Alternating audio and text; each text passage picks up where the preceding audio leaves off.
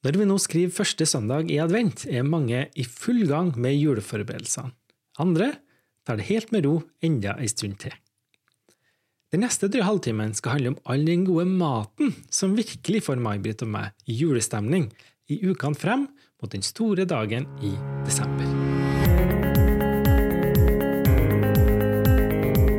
Hei, jeg heter May-Britt, og jeg sitter her på kjøkkenet mitt i Oslo. Og jeg heter Vidar. Jeg sitter på mitt kjøkken i Istanbul. Velkommen til Vaffel, en podkast om mat.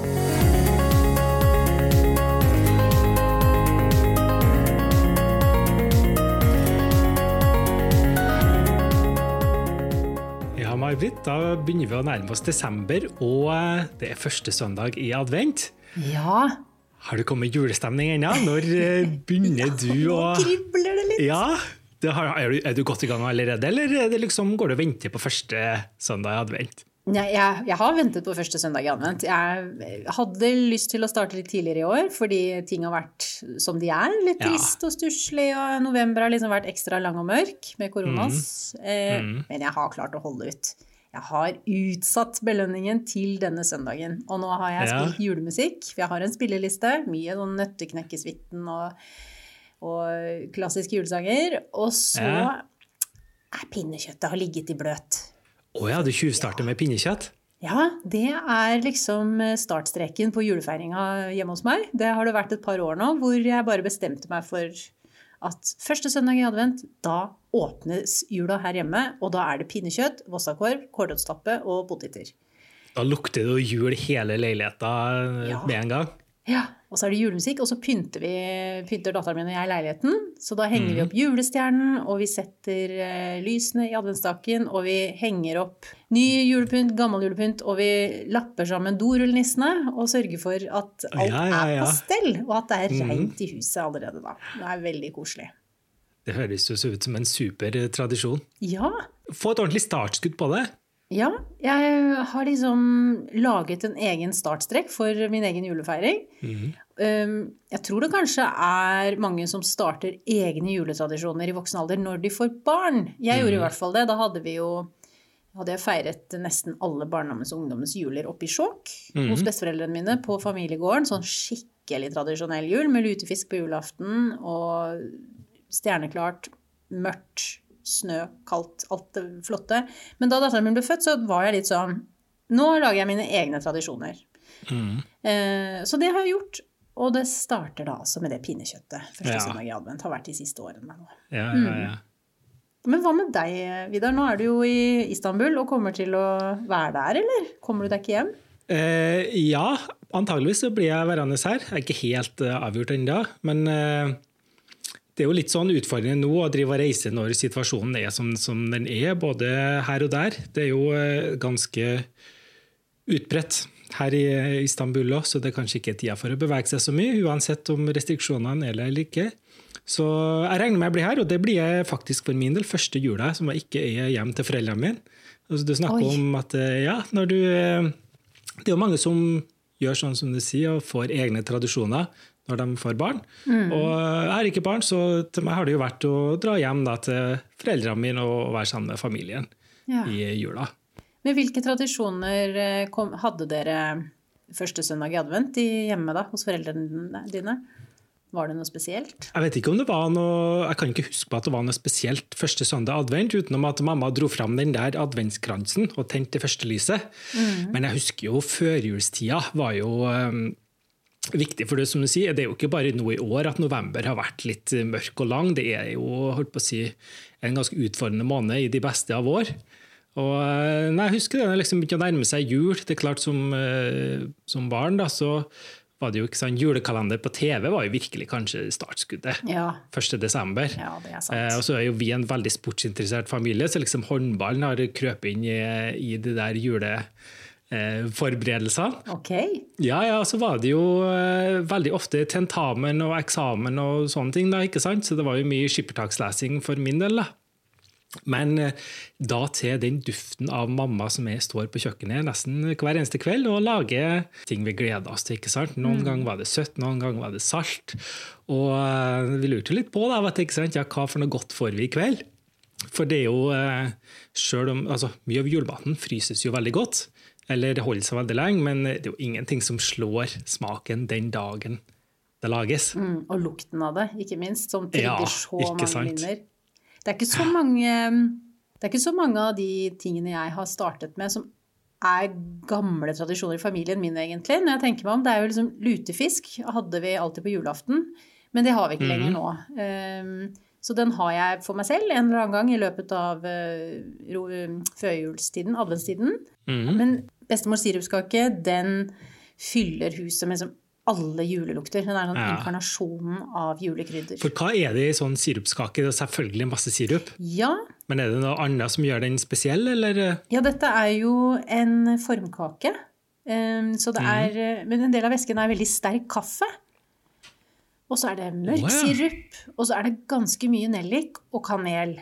Så den har en sånn mm. distinkt nelliksmak, og så blir den ganske mørk og Mm. eh, veldig saftig. Det er nesten best dagen etter, når den får satt seg litt. Den blir ja, supersaftig, og så skjærer man i skiver. Og jeg husker at det var den julekaka jeg likte best også, når vi, når vi var i Skjåk. Mm. Da hadde Bestemoren min hadde jo bakt syv slag og mer til, Mm. som hun hadde i kakebokser i kjelleren. Og så for hun opp og ned ved enhver anledning og hentet kakebokser og liksom pusha småkaker. Det var nesten sånn at hun kom på natta. Ja, ja, ja. Deg. Skal ikke, skal ikke ha en berlinerkrans. Ja. Og det er bra når man er i den alderen, så kan man jo godt gjøre det uten å angre på det senere. Ja. Men jeg altså, småkaker er ikke helt min greie. Har du noe forhold til småkaker? Jeg vet, tror Mamma pleide å lage ganske mye sånn forskjellige småkaker da vi var små, men eh, jeg tror hun fant ut det etter hvert at de der sju slaga som det var snakk om, da Jeg vet ikke om hun laga alle sju, det tror jeg kanskje ikke, men eh, det ble eh, gått over til bakerikjøpt etter hvert. Og eh, det er jo egentlig de andre tingene som vi syns kanskje var aller best, da. særlig det med lefse, er jo det som virkelig sier jul mer enn noe annet i min familie, i hvert fall. Ok, Hva slags lefser da? Ja, vi kaller jo ikke lefse, eller vi har lems, kaller vi det eh, vi da, vet du, i Trøndelag. Og, eh, Lems, ja, ja, ja. Og den aller beste, det er jo det jeg kaller for eh, tynnlems, Ja. som er da ei potetlefse. Jeg har fått oppskrifta til mamma, jeg har aldri prøvd å lage det sjøl. Så det er jo én ting som jeg har tenkt å prøve nå i år. det har jeg faktisk eh, investert i ei takke. Oi, Som gratis. er på vei i posten. Jo, takk for det. Håper den dukker opp nå i løpet av en par dager. Julegave til deg selv. Ikke sant? For da skal jeg prøve å lage den eh, lemsa. Du skal få oppskrifta til meg, for den, eh, jeg har jo spurt mamma, nå har jo måttet sendt over da, en hel haug med sånne oppskrifter som eh, hun har pleid å lage, som ikke jeg har vært med på så mye, da, fordi eh, har jo bodd i utlandet i mange mange år og jobba, ikke sant? og da har du ikke mulighet til å komme noe særlig før lille julaften. Og da blir det ikke så mye tid til å hjelpe til å være med på det. Men nå skal du få høre her, da, for den er jo skrevet ned på gammelmåten. ikke sant? Ja. I en sånn eh, fin oppskriftsbok. Håndskrevet. Masse fingeravtrykk rundt det hele. Har hun tatt bilde da og sendt deg? Bilde av oppskrifta, ja. Ikke av maten. Det var ikke, var ikke Ja. Instagram på denne tida. vet du. Ja, det er en sånn fremgangsmåte som er veldig sånn typisk for uh, sin tid, kanskje. Uh, så potetlefsa, der er det én kilo potet, males to ganger. To kopper kulturmelk. Tre desiliter fløte. 1,5 dl sirup. 4 teskjeer bakepulver. To spiseskjeer ruggsikt. Resten hvetemel. Og så er to blanke linjer, og så står det 'Deigen arbeides godt'. Hvert enkelt emne arbeides og rulles godt. Hvis ikke blir det hull i leiven. Det er hele oppskrifta. Ja, that's it. Ja, så da måtte jeg spørre noen ekstra spørsmål da, til mamma, for det var jo eh, ikke helt utfyllende, den der fremgangsmåten, for oss som ikke har gjort det før. Og det der har jeg opplevd før òg, når at jeg blar i tyrkisk oppskrift og sånn, så er det jo litt det samme, ikke sant? At det er forventa at du egentlig vet hva du holder på med. Ja, det er litt sånn innforstått. Ja, det er egentlig det du bare trenger, å bare friske opp minnet om forholdstallet mellom ingrediensene. Så, nei, så det er jo potetlefse, da. Så det, det blir jo litt som når du lager gnocchi, tenker jeg. Altså at du må um, Ja. ha gode melende poteter. Og uh, du må arbeide ganske raskt, for det var en ting jeg spurte om ikke sant? når du har laga deigen. Skal du måtte la den uh, stå en stund og godgjøre seg? ikke sant? Den, så nei, nei, nei, absolutt ikke. Den uh, må du jobbe så fort du bare kan, fordi hvis ikke så blir den bløt og helt umulig å jobbe med. Og så mamma da, når hun lager tynnlem, så pleier hun å gjøre det i tre runder for å lage veldig mange. Da, da begynner hun fra starten av hver gang å lage deigen tre separate ganger. For hvis den får stå, så blir det ikke Ja. mulig å jobbe ordentlig med den. Ja, da blir den sånn klissete. Da. Er det stivelsen kanskje i poteten, eller? Kan det være det? Det vet jeg faktisk ikke. Ja. Men det var liksom høydepunktet i hele førjulstida. Det var den kvelden. Det var tid for å lage potetlefse. Ja. Og det er jo ingenting som slår den når den er nystekt fra takka. En sånn svær leiv, ikke sant? Skikkelig svær, som dekker hele takka. Og litt lunken ennå. Så har du på Vi har på smør og sukker. Og min favoritt, da, som jeg ikke får til i år, det er Namdalsskummet. Åh. Å, Vidar. Blir ikke noen Namdalsgomme. Nei, den må du kjøpe på butikken. Jeg har til og med Ja. googla og sett etter oppskrifter, men eh, jeg greier ikke å finne. For sånn eh, hjemmelaga gomme er ofte litt sånn grovere, men den namdalsgommen er jo veldig fin. Ja. Men er det kanskje godt med smør og, og sukker og kanel? Er det Et Med sukker og kanel det vet jeg ikke om går på potetlemsa. Sirup passer godt, da. Ja. Men eh, hvis jeg skal ha sukker og kanel, så går jo det på tjukklemsa. Ja, ja, ja. For da vi har tynnlem, så må vi ha tjukklems, ikke sant? Det er klart det. Ja, ja, så den er en litt uh, enklere deig, da, som er på Eller røre, eller Ja, det blir vel deig, ikke det? Jo.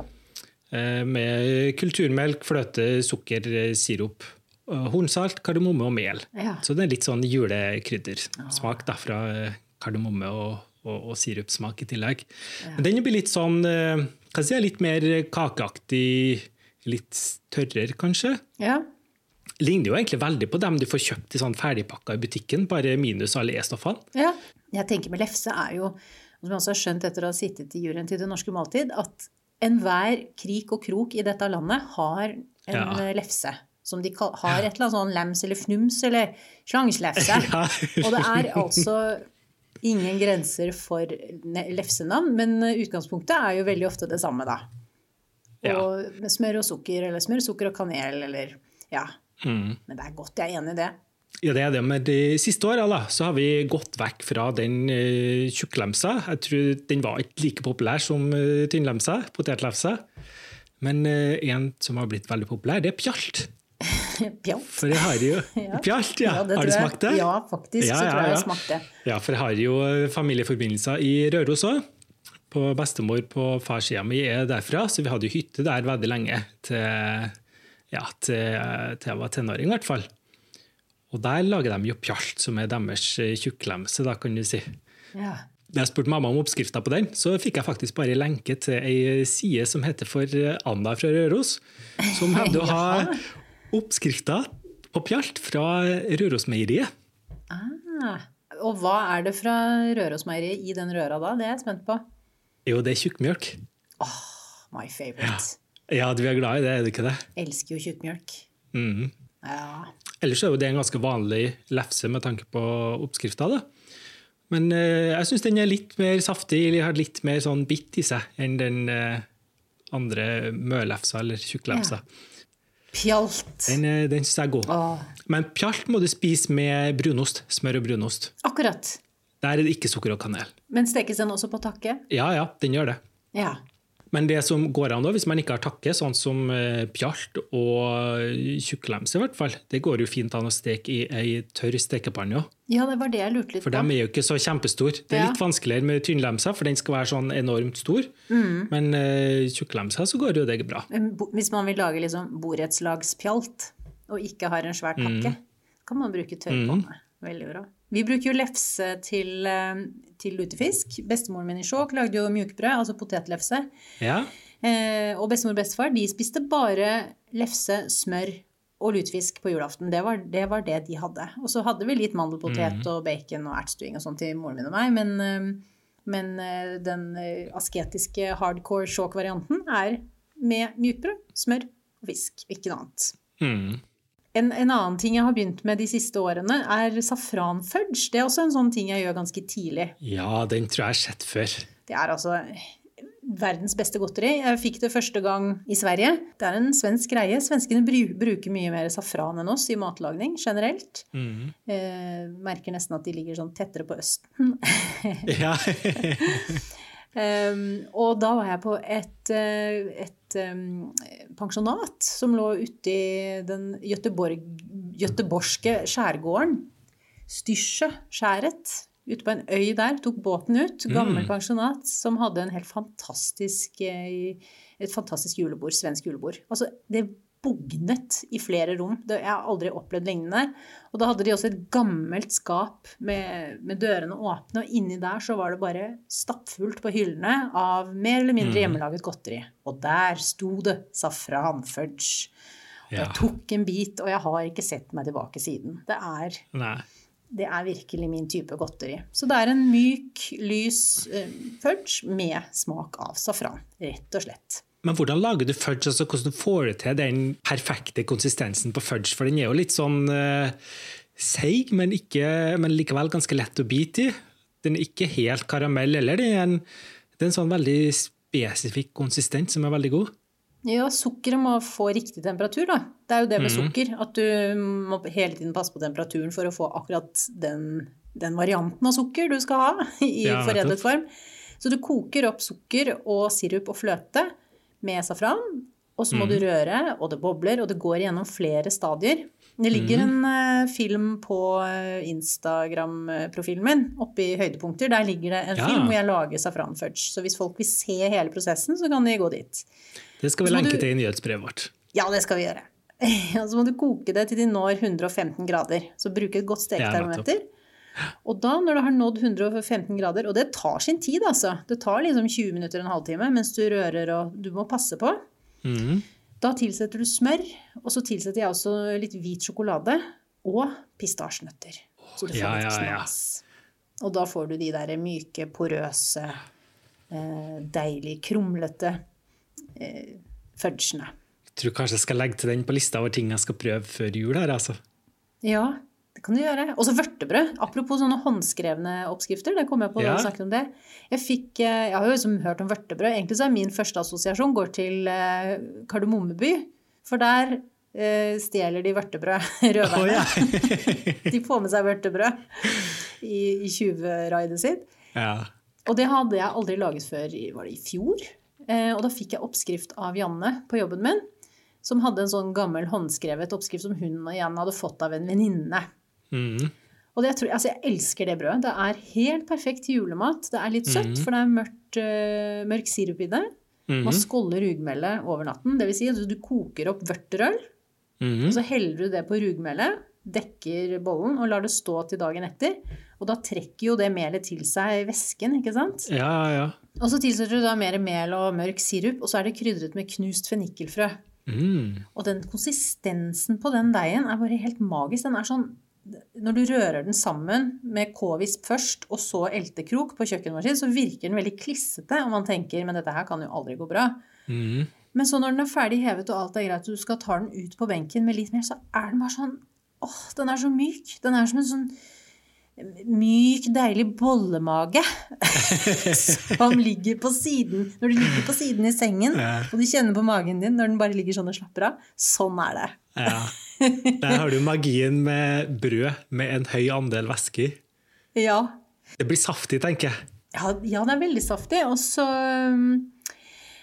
eh, har jeg dadler og, um, og eh, nøtter oppi i en versjon. Som er mm. kjempegodt til ost. Og så kan du ha en uten dadler og nøtter, som f.eks. er til sild. Og juleskinke og sylt. Mm. det er så godt med det der krydra, søte opp mot eh, den fete, salte maten. Åh. Og sennep. Men apropos sild, du som er så glad i eh, fisk og ja. sånn fiskeretter, lager du de egen julesild, eller? Ja da. Jeg lager egne sildesalater og følger egentlig ingen regler. Jeg har ulike typer sild som jeg bruker, og det kan være både delikatsild, og det kan være spekesild og kryddersild, eller svensk matjessild, som jeg er veldig glad i. Mm. Um, og så lager jeg bare med litt god rømme, med noe majones, eh, kanskje noe dill, um, mm. kanskje litt hakket potet, litt løk. Det kan være en variant. Eller så mm. har jeg en med rødbeter, som jo gir en fantastisk farge. Det er veldig ja. lett å lage sin egen sildesalat. Det er jo det letteste i verden. Uh, eneste tipset jeg vil komme med hvis man skal lage sin egen sildesalat, er at hvis du kjøper spekesild eller kryddersild, eh, som er i pakke, eller vakuumpakke, så les på pakningen om den må vannes litt ut, for ellers så får du innmari salt sild. Ja, nettopp. Så det er et tips. Eller så kan du jo Jeg pleier også å hamstre de der juleansjosboksene. Litt sånn reale Ja. størrelser på ansjosbokser. Så kan du lage svensk gubberøre. Det er så digg! Og det er også veldig godt på vørtebrød. Ja, hva er det for noe? Ja, det er uh, juleansjos. Eller sånn marinert skandinavisk skandinavisk Men hva gjør det til juleansjos, egentlig? Det, det kommer det med sånn julehatt på, eller er Jeg tror det er mye innpakningen, for jeg syns jo at krydderne er vel Ja. mye de samme som det pleier å være. Og det er jo litt sånn julekrydder. Alle hånde og nellik og ja, litt sånne runde, varme krydder. Men det er vel mer det at det er den der blå boksen med julenisser med rød topplue. Ja. Er det ikke det? Jeg tror det er det. Jeg tror kanskje det. det er jo innpakning. Same shit, new wrapping. Ja, ja, ja. Men gubberøra, det er eh, potet, eh, ansjos, dill. Er det litt rømme, da? Ja, rømme og rødløk. Og så rører du det sammen. Og så har du det med rugbrød, f.eks. Eller knekkebrød. Kjempegodt på knekkebrød med masse smør, eller på flatbrød med smør. Da. Mm. Åh, nå fikk jeg lyst på rakfisk. Liker du Ja, men vi spiste jo rakfisk sammen! Ja, det var det et nydelig måltid forrige jul. jo, Takk! Det var her hos meg. Med rakfisk og litt bobler. ja. Mitt første minne med rakfisk det var ikke, kanskje ikke så positivt, da, men det var sikkert ikke den eneste. Det var eh, mamma og pappa som hadde fått det for seg at de skulle da prøve rakfisk, og kjøpte en sånn spann fra et eller annet sted. Jeg vet ikke hvor de har kjøpt det fra. Og åpna jo det. Og jeg tror det var et døgn før lukta var ute av huset sånn generelt. ja. Det liksom spredde seg over hele. ja. Så nå, finner jeg, nå finnes det vel det litt mer raffinerte varianter å få tak i nå, da. Eh, Men det var, det liksom, jeg var litt redd for den ganske lenge pga. den første opplevelsen. Men, eh, men, Ja, det men det er godt. Det er det, altså. Jeg er overraska over det. Og det, Ja. det er alltid en rett som er artig å fortelle eh, utenlandske venner om. For alle syns jo det er litt morsomt å høre om eh, de rare rettene ikke sant? som kommer fra forskjellige matkulturer. Og eh, Ja. fermentert rå fisk er jo, eh, må jo få sies å være i den kategorien. Ja. Men mange sier jo at det minner om ost når de først har Mm. fått smaken på det. Og du får den jo også Ja, Mild lager et ekstralager og så alt det. Så nå lages det jo også rakfisk for sarte sjeler, som jeg Ja, kaller det. da. ja, ja. så hvor det, hvor det nesten ikke er Hva skal man si? Odør? Ja. er kanskje et riktig ord? Nei, jeg må få si det er ganske mange år siden jeg har opplevd at det har vært servert rakfisk der du kjenner at det lukter litt stramt. ja. Ja. Da jeg vokste opp, så var det alltid rakfisk på julebordene de hadde på Norum hotell, der moren min jobbet. Eh, og de hadde jo masse julebord der i eh, sesongen, og hun sprang frem og tilbake og serverte. Og da fikk jeg alltid lov til å komme når gjestene hadde spist og skulle opp i salongen og ha kaffe og dessert, og drikke seg enda mer fulle og røyke innendørs, for det var på 80-tallet. Så fikk jeg komme, og så gikk vi da i personalet. Da fikk vi gå inn, og så spiste vi da resten av eh, det som var på julebuffeen. Og det mest spennende jeg visste, det var bare å gå bort og bare lukte på rakfisken. og liksom løpe veldig sånn teatralsk gjennom rommet og skrike fordi det lukta liksom så vondt. For den lukta, altså. Ja. Men rakfisken vi hadde, den var god. Det var virkelig et fint uh, førjulsminne. Ja, det var akkurat passe. Det var koselig. Nei, Hjemme til oss er det mer eh, kjøttet da, når det kommer på det salte. Mamma lager sushil, men det er mest til seg sjøl. Men i Tyrkia Vidar, så er jo ikke svinekjøtt eh, det man eh, spiser mest av. Om, Men her hjemme er jo det virkelig overalt i julen. Sylte, skinke, ribbe. Er det noe Men dere har lam? Er det noe lamme, lammeretter som du kan lage selv nå til jul? Ja, det er jo kanskje min andre favoritt da, ved siden av tynnlemsa i førjulstida. Det var lammerull. Ah, Mamma laga alltid sin egen hjemmelagde lammerull. Etter oppskrift fra Arne Brimi. Selvfølgelig. ja, som jo ikke er så langt fra sjokk. Nei, nettopp. Og det var virkelig et høydepunkt for min del. Jeg husker det var pappa som hadde ansvaret å kjøpe inn de eh, lammesidene som brukes til det. Og så hadde mamma ordna ganske mye av det, ja. Fordi vi brukte jo både som pålegg da, gjennom hele desember, egentlig, og så lenge det varte, som var ikke så veldig mye utover julaften, nei. Det er liksom, når det begynte å nærme seg nyttårsaften, så begynte det å bli tomt. Og i tillegg da, så hadde vi det òg som en del av julemiddagen. Oh, Hvordan da? For vi har jo pinnekjøtt på julaften, og alt som kommer med tilbør. Men så har mamma funnet ut at det var godt med å ha en lammerull i tillegg. Så varma opp den, dampa den på samme måte som eh, pølsa. da. Og det var faktisk veldig godt. Nei, så Det pleide vi å ha da på julaften. Jeg tror ikke vi har hatt det de siste åra, så det, det er jo mest som uh, pålegg. Men det, Ja. det syns jeg er kjempegodt. da. Eh, Lett krydra. Så det har jeg tenkt å prøve å lage sjøl nå, i, Ja. nå i desember. Det, jeg, er ikke, jeg er litt usikker på om jeg greier å få tak i sånn eh, lammeside sånn som du har i Norge. Fordi eh, det er jo en litt utfordring med å bo i utlandet, at alle land, eller alle matkulturer, har jo sin egen måte å stykke opp dyret på.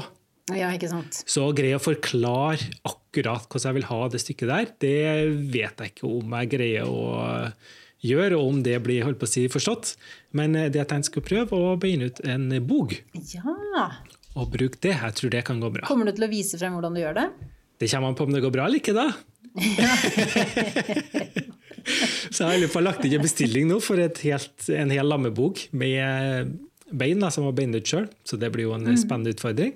Men det tror jeg skal gå bra, for hele poenget med å lage rullen, da, det må jo være å få det stramt nok. ikke sant? For om du bruker den lammesida òg, så skjærer du jo av, så du får på en måte en ganske sånn fin, fint rektangel.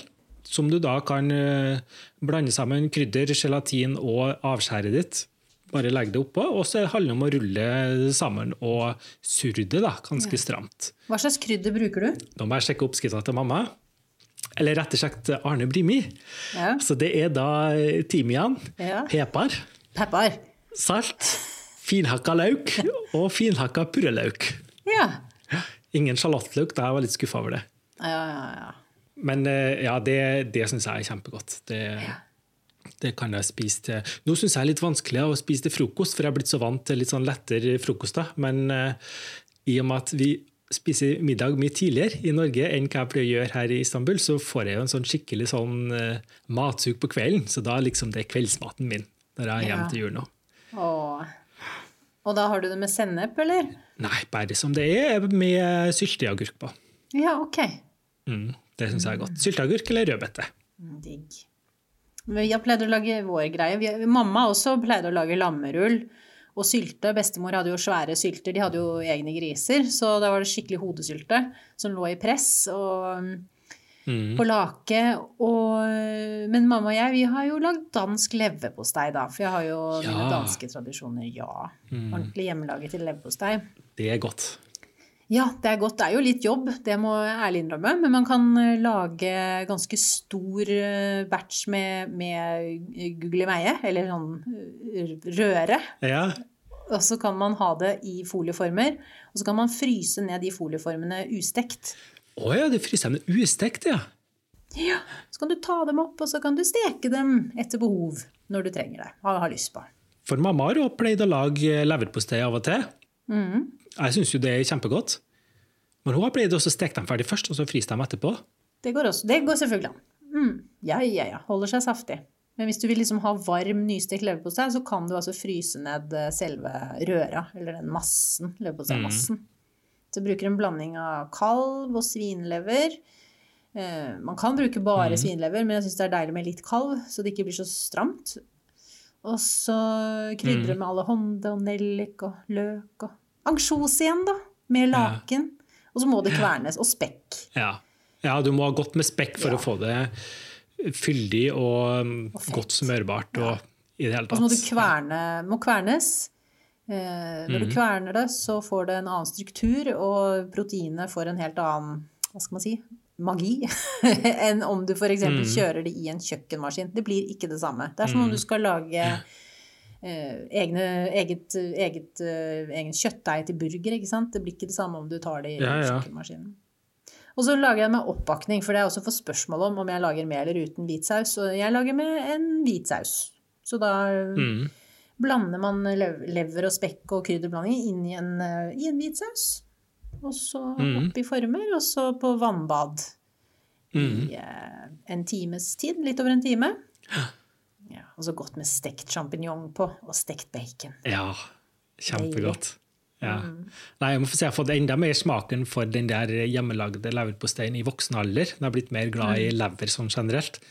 For det er jo en ting som mange nordmenn er litt skeptiske til, det der med leversmaken. Det er kanskje derfor den leverposteien du kjøper i butikken, smaker egentlig veldig lite lever. Den, jeg vet ikke hva smaker, den, eh, den har jo sine fans, den òg. Men uh, her i Tyrkia er de jo veldig gode på lever, stekt lever, og det syns jeg faktisk er veldig godt når det er gjort på ordentlig rett måte. Ja, så kanskje derfor da, at jeg har blitt mer glad i den hjemmelagde varianten, som er litt mer tydelig leversmak på. Ja. ja, men vi er jo blitt litt sånn pysete på innmat generelt, men det er jo en helt annen episode. Ja, absolutt. Vi trenger ikke ta den til jul. Ja, ja, ja. Men drikke, også drikke må ha noen sånne varme Ja. eh, Ikke bare gløgg. Jeg syns jo eplegløgg er jeg blitt veldig glad i med årene.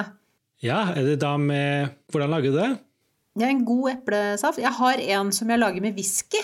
Ja! Ehm, ja, med whisky og eplejus og litt lønnesirup og Er det nellik har jeg oppi der? Og Mhm. Kjempedeilig. Jeg er ikke noe glad i whisky sånn i seg selv, Mhm. men eh, som gløgg syns jeg det er godt. Og så har jeg og varm portvin. Hot port. Det vet jeg ikke om Hadde dere det i England, eller? Jeg, jeg tror kanskje hvis du var dame 90 pluss, så hadde det kanskje Eller hvis du var i øvre overklasse. Eller Nei, jeg vet ikke, men det, det kan godt være at det er enkelte som har det, men ikke i, eh, i London var jeg ikke så mye ut for det, faktisk. eh. For I Irland så er det ganske vanlig. Ja, ja, ja. Så jeg drakk jo det i Belfast. Mhm. Eh, Det var min første jul hjemmefra, faktisk. Det var i Belfast i Ja, 1995, tror jeg. ja. Og da fikk jeg hot port på puben sånn på vinterstid, og det var så surt og kaldt borti der i Irland. vet du, sånn ja, ja. Fuktig. Og kom inn på puben, og så spurte han bartenderen om jeg ville prøve en hot port. Og da var det portvin, selvfølgelig, og så var det kokende vann, og så var det en sitron, tykk sitronskive som han stakk, fylte da med nellikspiker og Mm. sukker eh, oppi glasset med, med portvin og varmt vann. Mm. Og så rørte rundt også. Ja, ja, Satt og nippet til den. Og da blir du sånn god og varm og Ja. snurr, snurrig og kreativ. ja ikke sant? Du blir veldig avslappet. Ja, ja, det er jo det som er så deilig med de der varme alkoholdrikkene sånn før jul. Det, men jeg tror det I London så var det mulled wine som har tatt over alt. Altså. Det, er jo, det er jo gløgg, egentlig, det. da. Ja. Men du, For å gå tilbake til den safranen, jeg begynte å tenke på den her nå. Det er jo, Mhm. Svenskene har jo som du sier, tradisjoner for det, bl.a. med de lussekattene. Ja, ja, ja. ja. Er, er du noe sånn, Bruker du safran i uh, gjærbakst òg, eller frem mot jul? Mm, jeg har ikke gjort det, og jeg må ærlig innrømme at jeg aldri har bakt lussekatter. Og jeg syns veldig mange lussekatter er tørre. Jeg vet ikke hvorfor de blir det, når folk er jo blitt veldig flinke til å lage gjærdeig. Men på tirsdag som var, så hadde jeg en liten jobb for en eh, kunde eh, som hadde laget oppskrifter eh, på en datamaskin. De har fòret altså eh, kunstig intelligens har de brukt Åh. for å lage nye Nei, kakeoppskrifter nei, nei, til skal. Ja. datamaskinene komme og ta jobbene våre, May-Britt? Jeg tror ikke det er noe fare. Vi kan puste Nei, litt okay, ut. Jeg har, eh, jeg har prøvd nå, og den, den trenger fremdeles menneskelig hjelp, altså. Ja, vi har noen år på, på oss ennå. Ja da, vi har et forsprang. Altså, den er blitt fòret med tusenvis av julekakeoppskrifter. Og så har den kommet opp med forslag. Ikke på fremgangsmåte, men på smakssammensetninger. Og så var den ganske ko-ko ute å kjøre når det gjaldt mengdeforhold og sånn, så det måtte jeg liksom justere og finne ut. Men da hadde den annet noen uh, gjærbakst med safran, og så var det gløgg istedenfor melk. Aha, ja. Ja, og så var det multesyltetøy i, eh, i eh, Altså, den sa kringle, men jeg lagde snurrer, da. Så det ble da safransnurrer med multesyltetøy og gløgg. Og du vet så de blir kjempegodt! Å, det Ja, hørtes det veldig rart ut. Ja, men det var så godt. Jeg Ja. gikk ut og serverte til folk. Men hvilken farge blir det på dem, da, når det er gløgg som væske? De ble jo gule. Men det blir gule, sånn dyp gul farge, sånn okerfarga. De var kjempefine. Og så lagde jeg muffins med alhonde og safran igjen. Ja. Og appelsinskall og appelsinsaft. Og, hold deg fast, stekt bacon. Bacon? Ja, den så jeg ikke Ja. komme. Det var liksom helt, helt rett dit. Det var faktisk ganske godt. Ja, men det er noe med det salte og det søte, da. Men eh, jeg er ikke helt sikker på om jeg ville ha bestilt det hvis jeg setter på en meny. Men eh, Nei? Jeg kommer til å lage det igjen, og jeg har også veldig lyst til å prøve sprøstekt bacon, som jeg kanskje også fres, eller kandisere med litt brunt sukker, og ha i sånne snurrer. Ja. Det tror jeg faktisk også kan være ganske godt. Men Er lærdommen her at eh, til jul så er alt lov, og det bare å blande alt som har julegrensa sammen? ja. Putt i en gryte, Ja. sett på et lokk, og en time senere så har du jul. Ikke sant? Om ikke annet lukter det godt i hele leiligheten. Ja, for det gjorde Det lukter fremdeles safran av yttertøyet som henger i gangen ved siden av kjøkkenet. Det lukter er sånn evig Lucia-tog eh, som går gjennom her. Men da er du klar for advent? Veldig klar for advent, Ja, Vidar. mm. Er du også klar for advent nå? Ja, jeg venter på den takka mi, så skal jeg komme ordentlig i gang med å lage de eh, tynnlemsene. Så håper jeg får til den eh, lammerullen når den kommer. Jeg bestilte den til tirsdagen. Ja, det gleder jeg meg til Så å se. ja, hvis jeg får til de to, så er jeg veldig fornøyd. Da blir det jul i Istanbul òg, da. Ja, jeg tror det. Og så blir det jo ikke så mye på julaften. Jeg vet ikke hva jeg skal gjøre, fordi pinnekjøtt pleier vi ha. Det får jeg jo ikke tak i her. Det, da har jeg jo måttet begynt i eh, september. Kan jo lage det sjøl. Det er jo en eh, dame som bor i Numedal, som heter Nevada Berg. Ja. Jeg tenker hun gjør litt samme jobben som jeg gjør, da bare i Norge. Så hun er jo amerikaner som har flytta til Norge, skriver Ja, ja, om norsk tradisjonsmat. Og jeg må få si det, jeg har faktisk lært en god del av henne, fordi jeg bor i utlandet. Og da er det en del ting som tas litt for gitt. ikke sant? Du, du finner ikke oppskrift på hvordan du skal lage det sjøl, fordi det er noe som alle kjøper. Pinnekjøtt, f.eks. Så hun lager jo sitt eget pinnekjøtt. Det er også to jeg fant oppskrift på å lage eh, prim og brunost, for det har jeg jo gått om for. Og ingen av mine norske kokebøker har oppskrift på det, for det regner med at du kjøper i butikken. ikke sant? Ja, ja, ja. Men eh, Nevada hadde det. Men gomme, da? Har hun det? Gomme, det har jeg ikke sjekka, men det skal jeg Men jeg, tvi, ah, jeg tviler på den namdalsskummen, for det er den spesifikke. Men eh, nei, vi får se. Hør med henne. Men eh, nei, så for sent til å lage pinnkjøttet, da. Men eh, jeg håper jo jeg skal greie å få tak i ribbe. Det er jo ikke så mye svinekjøtt å få tak i her, men eh, det er én eller to butikker eller slaktere som fremdeles holder det gående. Det var jo en del mer før, du, for det var jo ganske mange grekere og kristne som bodde i Istanbul så sent som bare noen få tiår siden. Eh, Så de spiste jo svinekjøtt, men eh, nå er det jo veldig veldig få av dem igjen, og med det er jo markedsgrunnlaget forsvunnet. Men eh, det finnes noen, så jeg håper jeg skal greie å finne tak i ei ribbe. da. Ja. Ellers er jo lammeribbe er jo også godt. Ja, det går jo an. Og så mm. lurer jeg på om jeg kanskje skal eh, gå til innkjøp av ei and og prøve meg en dansk variant. Ja, ja det kan og med, Men kjenner du til de brunede kartoflene? Ja, i konsept, men jeg har ikke spist det, tror jeg. Ja, da må du bare ha små kokte poteter uten skall. Mm, Og så smelter du sukker, har oppi haugevis med smør, mm. lar det smelte sammen, og så har du oppi potetene, og så karamelliseres potetene. Mm. Det er jo ingen andre danskene som kan komme på en sånn rett. Men rødkål må du også selvfølgelig lage. Ja, det skal du vel lage. det skal jeg lage, og det har pleid å være mitt ansvar. Da. Jeg får ikke bidratt så mye inn i førjulstida til, til mine foreldre når jeg bor ute og kommer hjem, holdt på å si, eh, lille julaften. Men eh, jeg pleide jeg å ha ansvar for å lage rødkål til Mm. julemiddagen. Så det skal jeg så definitivt lage. Ja, men da blir det jul hos deg, altså. Det, Det gjør det, vet du. Ja. Det gjør det. Ja da. Men nå får du kose deg resten av denne søndagen. Nå skal jeg gå og tenne lys det første lyset, og så skal jeg skru opp uh, nøtteknekkesuiten. Ja, og så ja, driver jeg Og det forbereder til pinnekjøtt etter hvert. Det blir, eh, ja. Jeg er misunnelig på det, men eh, jeg har eh, satt en deig, så jeg skal lage julekake.